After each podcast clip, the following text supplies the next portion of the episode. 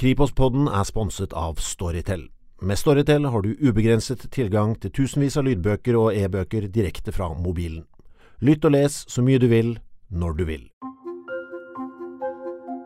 Er du en av de som elsker true crime, sluker krimserier rått eller lar deg fascinere av kriminalsaker som rulles opp i media? Da håper vi at dette er podkasten for deg.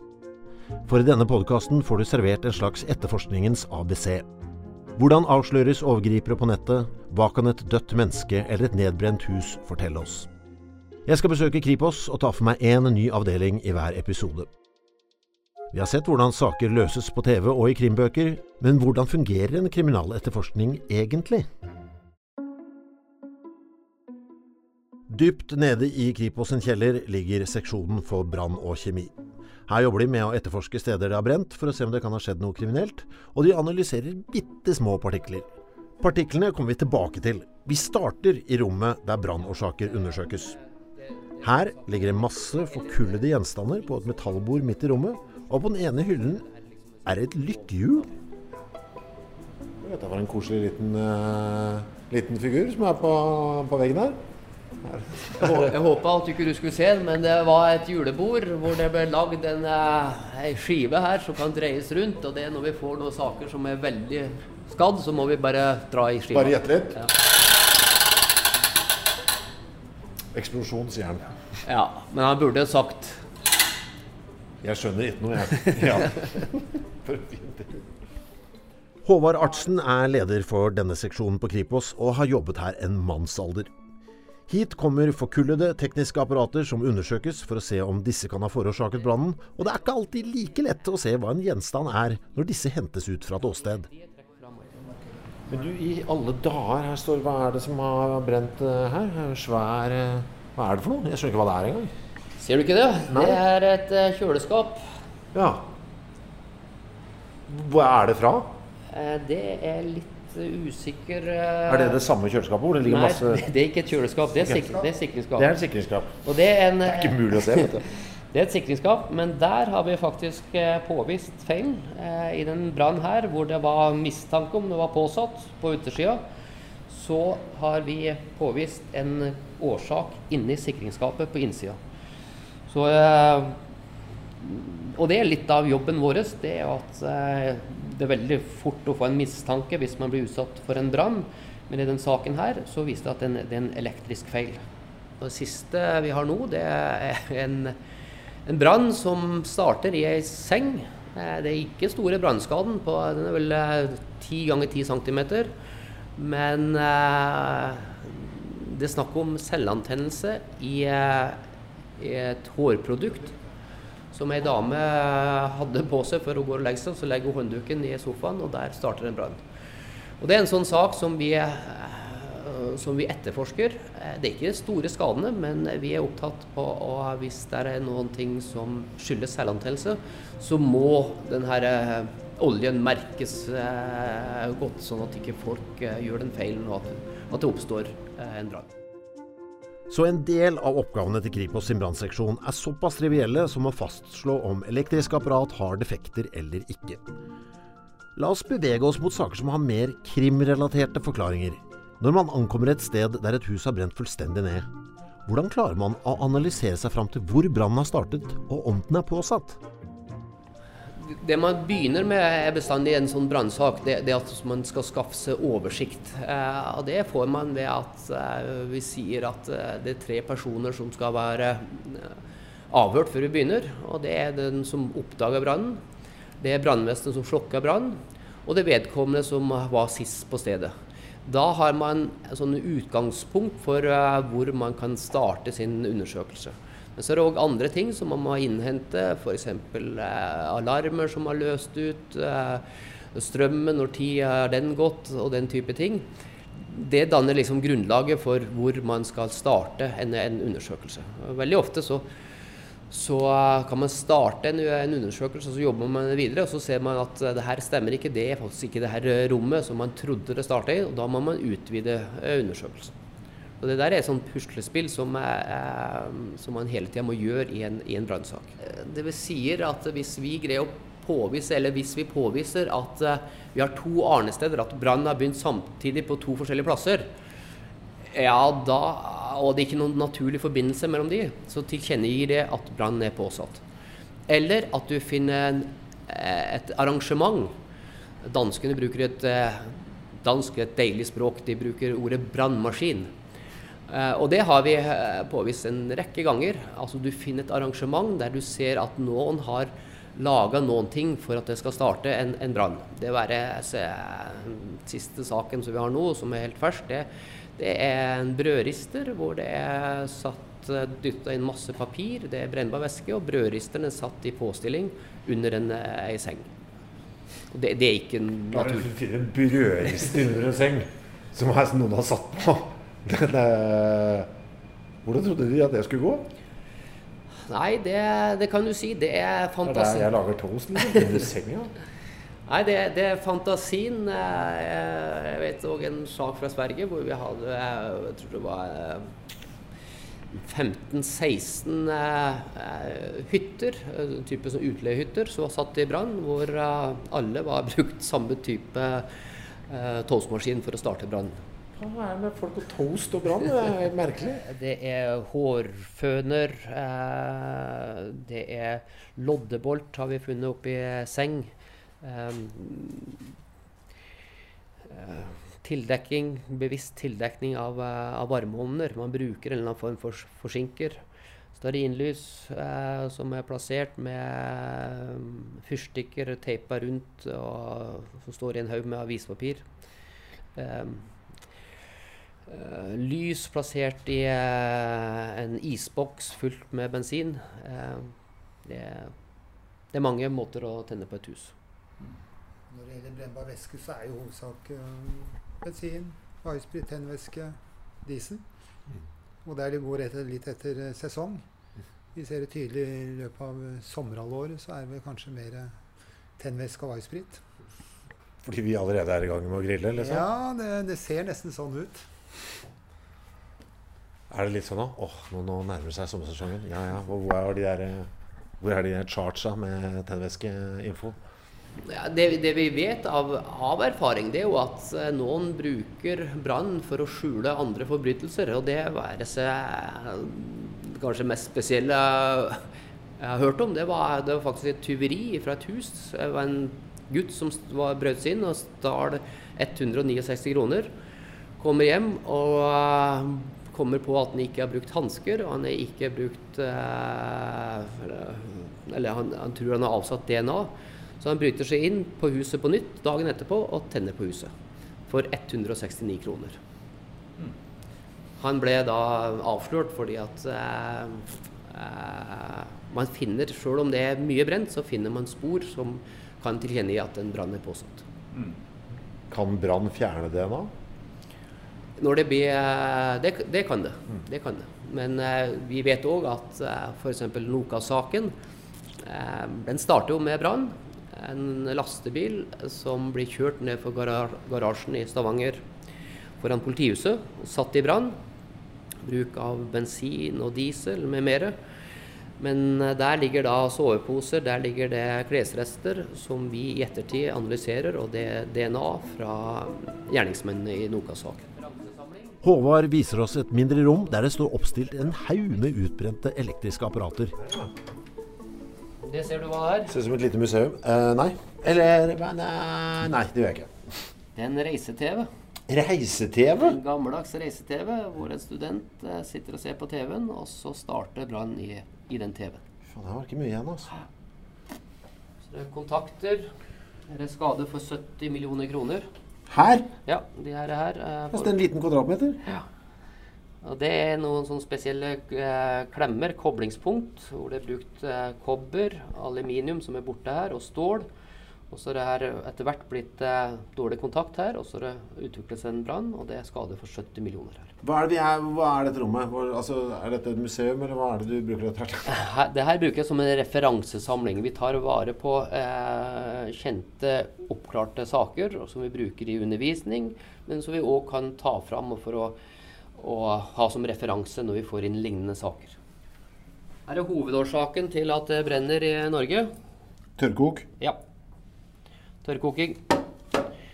Eh, Her er en sak eh, som vi bare tatt vare på. Det er en brødbakermaskin som ble sendt inn til oss for at vi skulle finne hvorfor den har starta en brann. Den undersøker vi, og den friskmelder vi og sier at den har ikke starta noe brann. Eh, Da ble brannlittet, eh, altså de som hadde, hadde brann, ble da avhørt på nytt. Og de får beskjed om at Kripos finner ikke noe feil. Og da kommer da Kall det tilståelsen at nei, den var ikke tilkobla, men jeg hadde dessverre satt den på ei kokeplate, og så slo jeg på feil plate. Satt brødbakemaskina på en kokeplate. Ja. Håper han hører på nå. Her kjører vi røntgen altså vi røntgenfotograferer materialet, rett og slett for å se gjennom plasten hva som er. Men her skal jeg ønske folk så. For altså her røntgen, altså Dere kjører røntgen på ting som har brent. Mm. Dette er det tristeste rommet jeg har sett. Ja. Her var det altså Det er så lite glamorøst her at jeg har ikke sett på maken.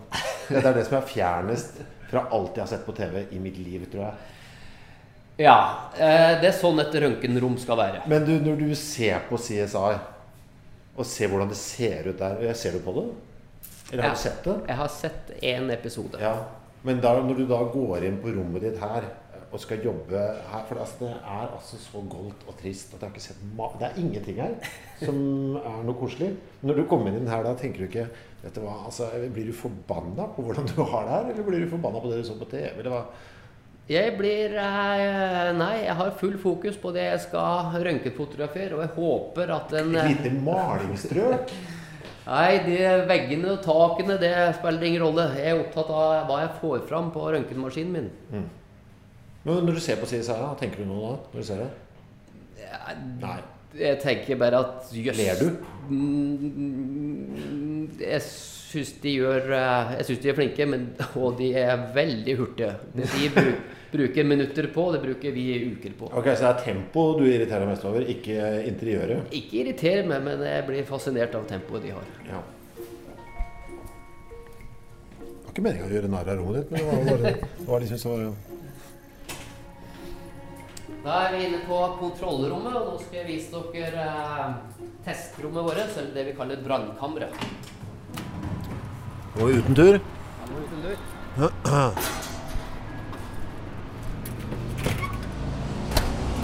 Her, ja. Da er vi inne i noe som ser ut som en, eh, en garasje. Mer enn noe annet, egentlig. Lekablokker og Ja, det er et spesialkonstruert eh, rom hvor vi kan kjøre brannforsøk for å etterprøve en hypotese som vi har i forbindelse med brannetterforskning. brannetterforskning. Den riggen som er bygd opp her nå, med noen eh, linjaler som er teipa på, eh, den er bygd i forbindelse med en sak eh, hvor eh, en eh, person er sikta for å ha helt bensin på sin kone mens hun sov, og deretter tent på. Hva er det dere gjorde her da for å Det vi gjorde da, det at vi fikk tak i samme type seng, samme type sengetøy. Eh, og vi visste eh, ut ifra sporene på åstedet hvor, cirka hvor mye bensin som var brukt.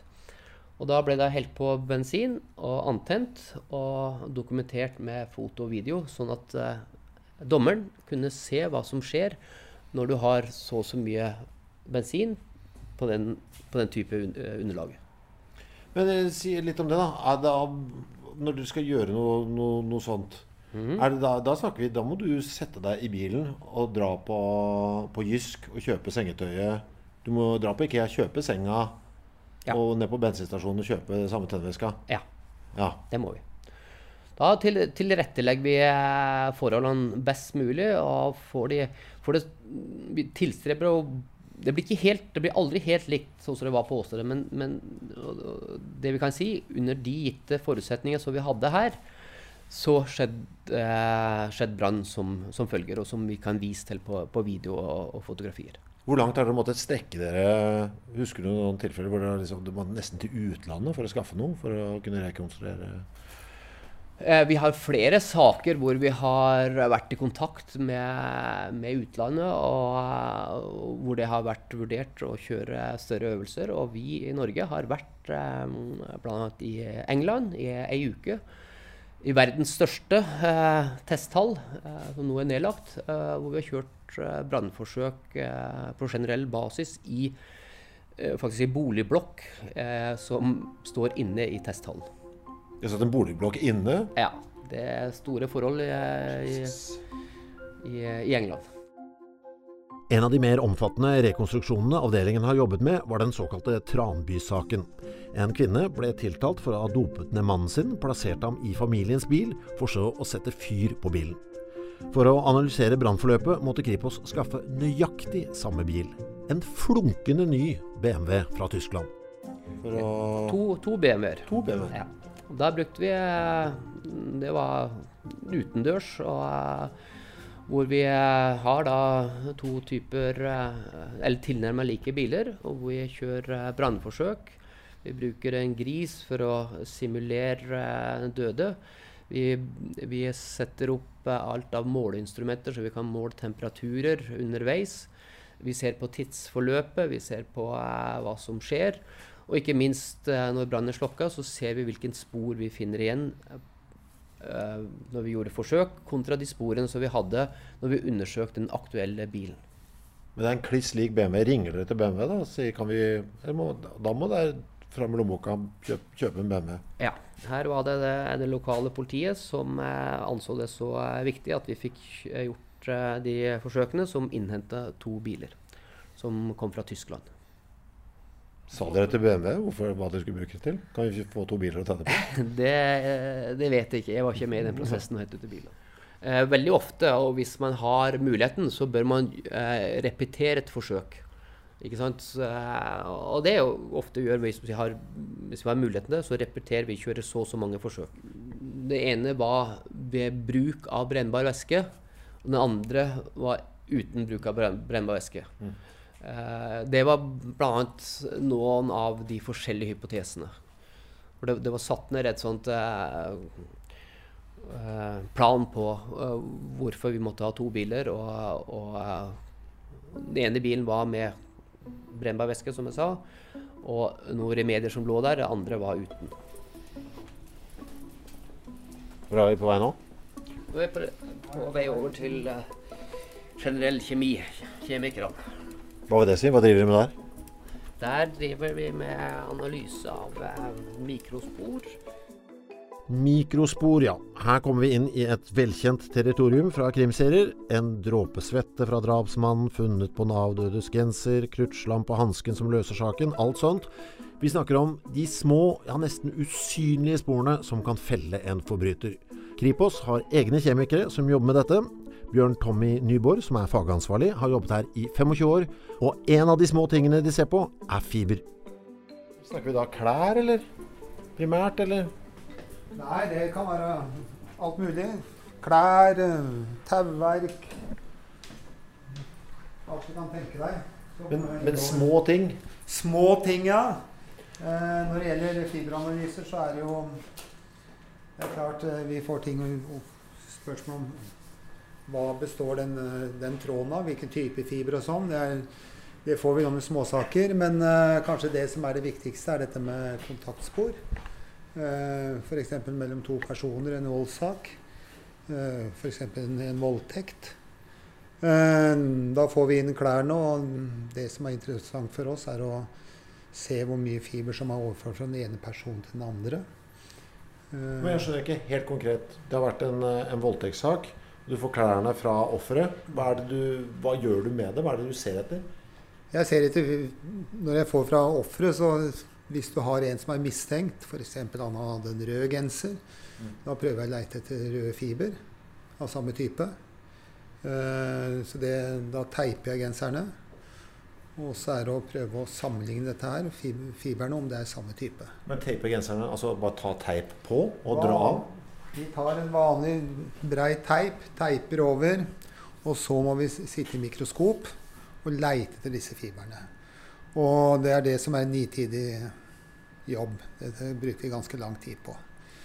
Eh, når vi har funnet disse fiberne Røde fiber er jo ikke det er ikke røde fiber. Det er veldig mye forskjellige typer røde fiber. Når vi har funnet disse fiberne, så må vi gjøre, gjøre disse undersøkelsene våre som tar også ganske lang tid. Eh, da, vi, vi kan jo se det, Ja. om vi ikke ser det på her. Så eh, det er å, å sammenligne fiber, det er det visuelle. Eh, se hvordan de ser ut. Eh, da bruker vi et samlingsmikroskop og, og ser på disse fiberne. Vi legger en, den ene fiberen fra referansefiber på det ene stedet, og så fra offeret på det andre. Og bare sammenligne dette her. Om, om det ser likt ut visuelt først. Om det er samme type farge, og hvordan de ser ut. Men det er klart, som jeg sa før, en rød fiber er ikke en rød fiber. Det kan være forskjellige typer. Når vi har gjort dette og ser at de er like visuelle, så må vi finne ut hvilken type fiber det er. Da gjør vi andre analyser for å se om, om dette er en nylonfiber, en akrylfiber. Eh, når vi har gjort det, så må vi gjøre enda en analyse. Det er å, å sammenligne farve. Rødt er ikke rødt. Og da må vi gjøre en undersøkelse til for å se om det er samme innfarving. Når vi har gjort alle disse tre analysene, som de fleste når det gjelder mikrospor, så har vi tre uavhengige analyser for å greie å skrive en konklusjon. Og da kan vi se at jo, dette er sannsynligvis samme type fiber på, på genseren til offeret som, som stammer fra genseren til den det som er siktet. Hvis du, da, du har en uh, drapssak, uh, f.eks., og du vet ikke, du har ikke noe mistenkt eller noe som helst, må du da også gå gjennom klærne og se er det noen fibre her som ikke burde ha vært på Ja, vi, vi sikrer det hvis det skal komme fram uh, noen opplysninger om en som er siktet, som, uh, når det gjelder dette med klær. Uh, det er klart vi har snakket her om, om, om klær. Det kan være andre ting. Vi kan jo Sigrid-saken. Nå var den? Det er noen år siden.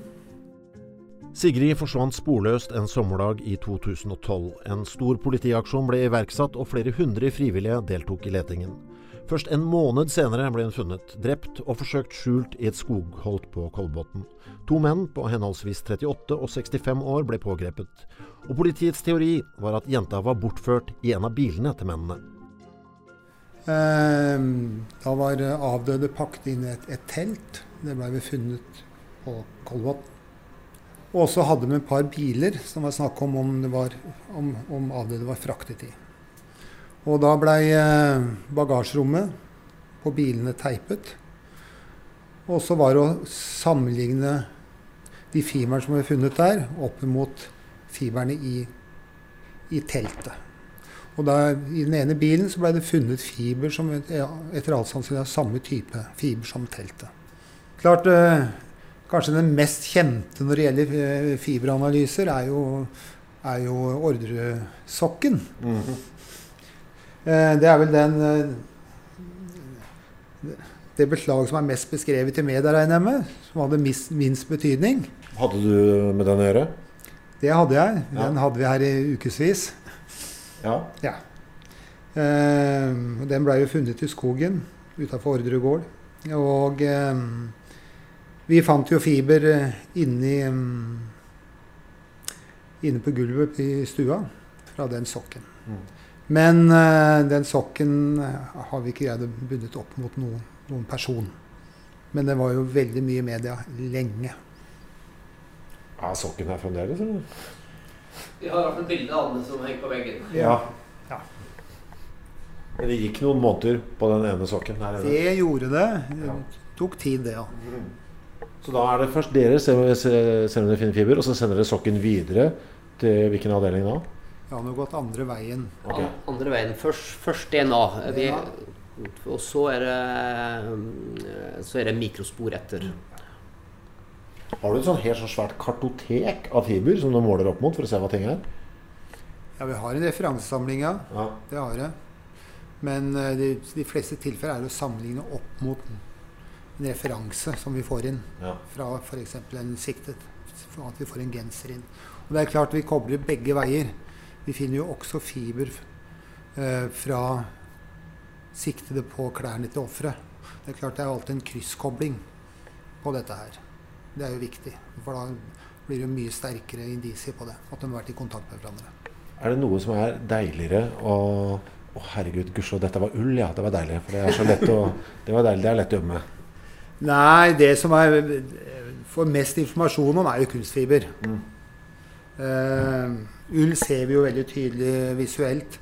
Men det er klart, når det gjelder kunstfiber, så har vi veldig mye forskjellige typer kunstfiber. Og, og veldig mye forskjellige innforminger. Så det er egentlig bra, det, for det er det så spesifikt? Ja, det kommer nærmere. Det gjør det. Hva er det vi ser på skjermen her. Det, det er noen som har vært og jobba her med et eller annet Det er ikke det som ligger her. Det ser ut som to eh, ser ut som svampegreier. Det ser ut som enten noe svampegreier eller en brødskive eller Ikke veit jeg. Det er nok ikke min sak. Når man ser noe veldig lite, veldig nært, er det vanskelig å vite akkurat hva det er. Så hva gjør man når man finner et fragment av et eller annet, og man ikke aner hva det er man har funnet?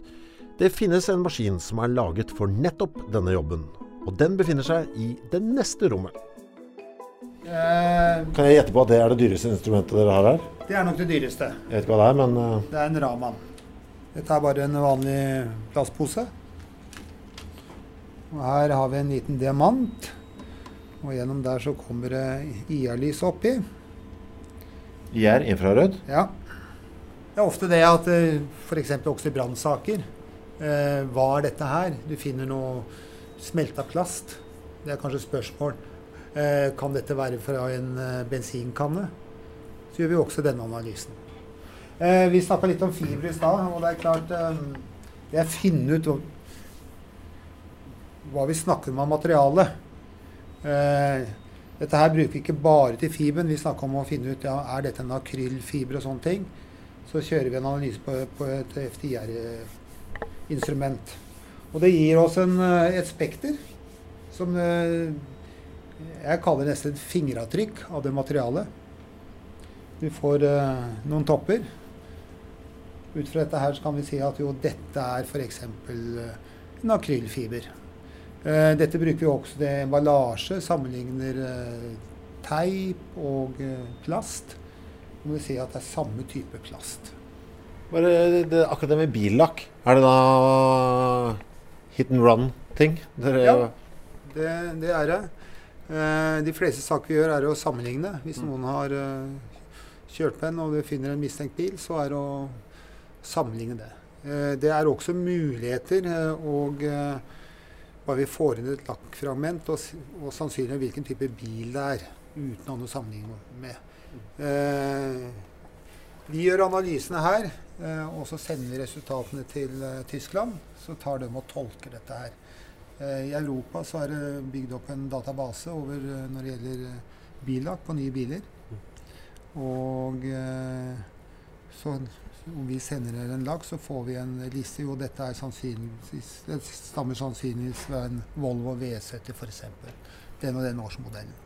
Men, men det trenger ikke å være biler. Det kan være altså et, eh, et brekkjern som er funnet hjemme hos en person uh, mens det er gjort en åstedsundersøkelse hvor man finner uh, i et brytespor hvor det er avsatt lakk.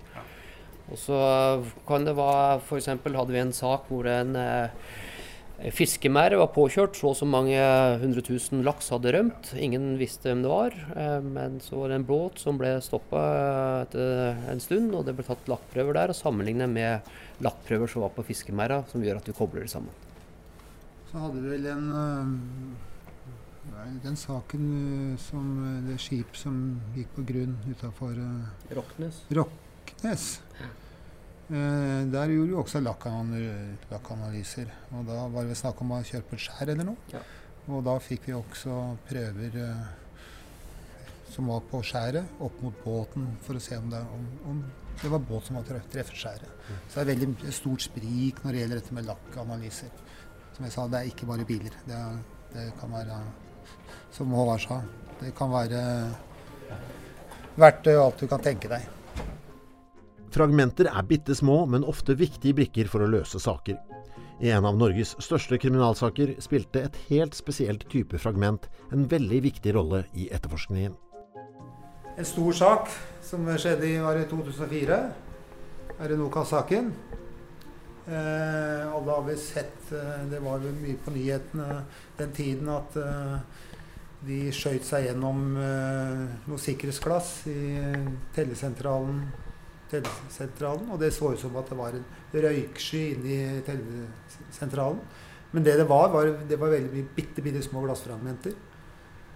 Og det er klart, dette ble liggende på penger, klær, alt du kan tenke deg. Og mm, sånn er det vel med glassanalyse her på Kripos. Det var vel før og etter Nokas-saken. Eh, før Nokas-saken så hadde vi kanskje eh, to-tre saker i året, og det var de gode, tradisjonelle, der eh, store biter satt under skoene. Men nå var det å se på disse bitte små partiklene. En millimeter store. Og vi fikk jo inn veldig mye penger. Millioner av kroner. Det er sjelden at vi har hatt så mye penger mellom, uh, mellom hendene. um, og det er klart Det vi gjorde der, var å, å børste hver eneste seddel. Og det er klart, uh, når du får flere millioner, så sier det seg sjøl at det tar ganske lang tid. Og så er det å samle dette opp mot uh, referanseglass. Og det som var veldig spesielt her, var at det var, en sikkerhetsglass, men det var fem lag, forskjellig brytningsindeks. Det vi ser på, er brytningsindeksen i glass, for å sammenligne glasset. Og både på sedler, også på en del uh, kjeler, ranstøy og sånne ting, så ble det funnet veldig mye glass. Som vi hadde de forskjellige brytningsindeksene som var i den glassruta. Så det var et ganske viktig bevis i Nokas-saken. Men Var det fordi glasset var så spesielt? da? At det på en ja. måte nesten var som et eget fingeravtrykk?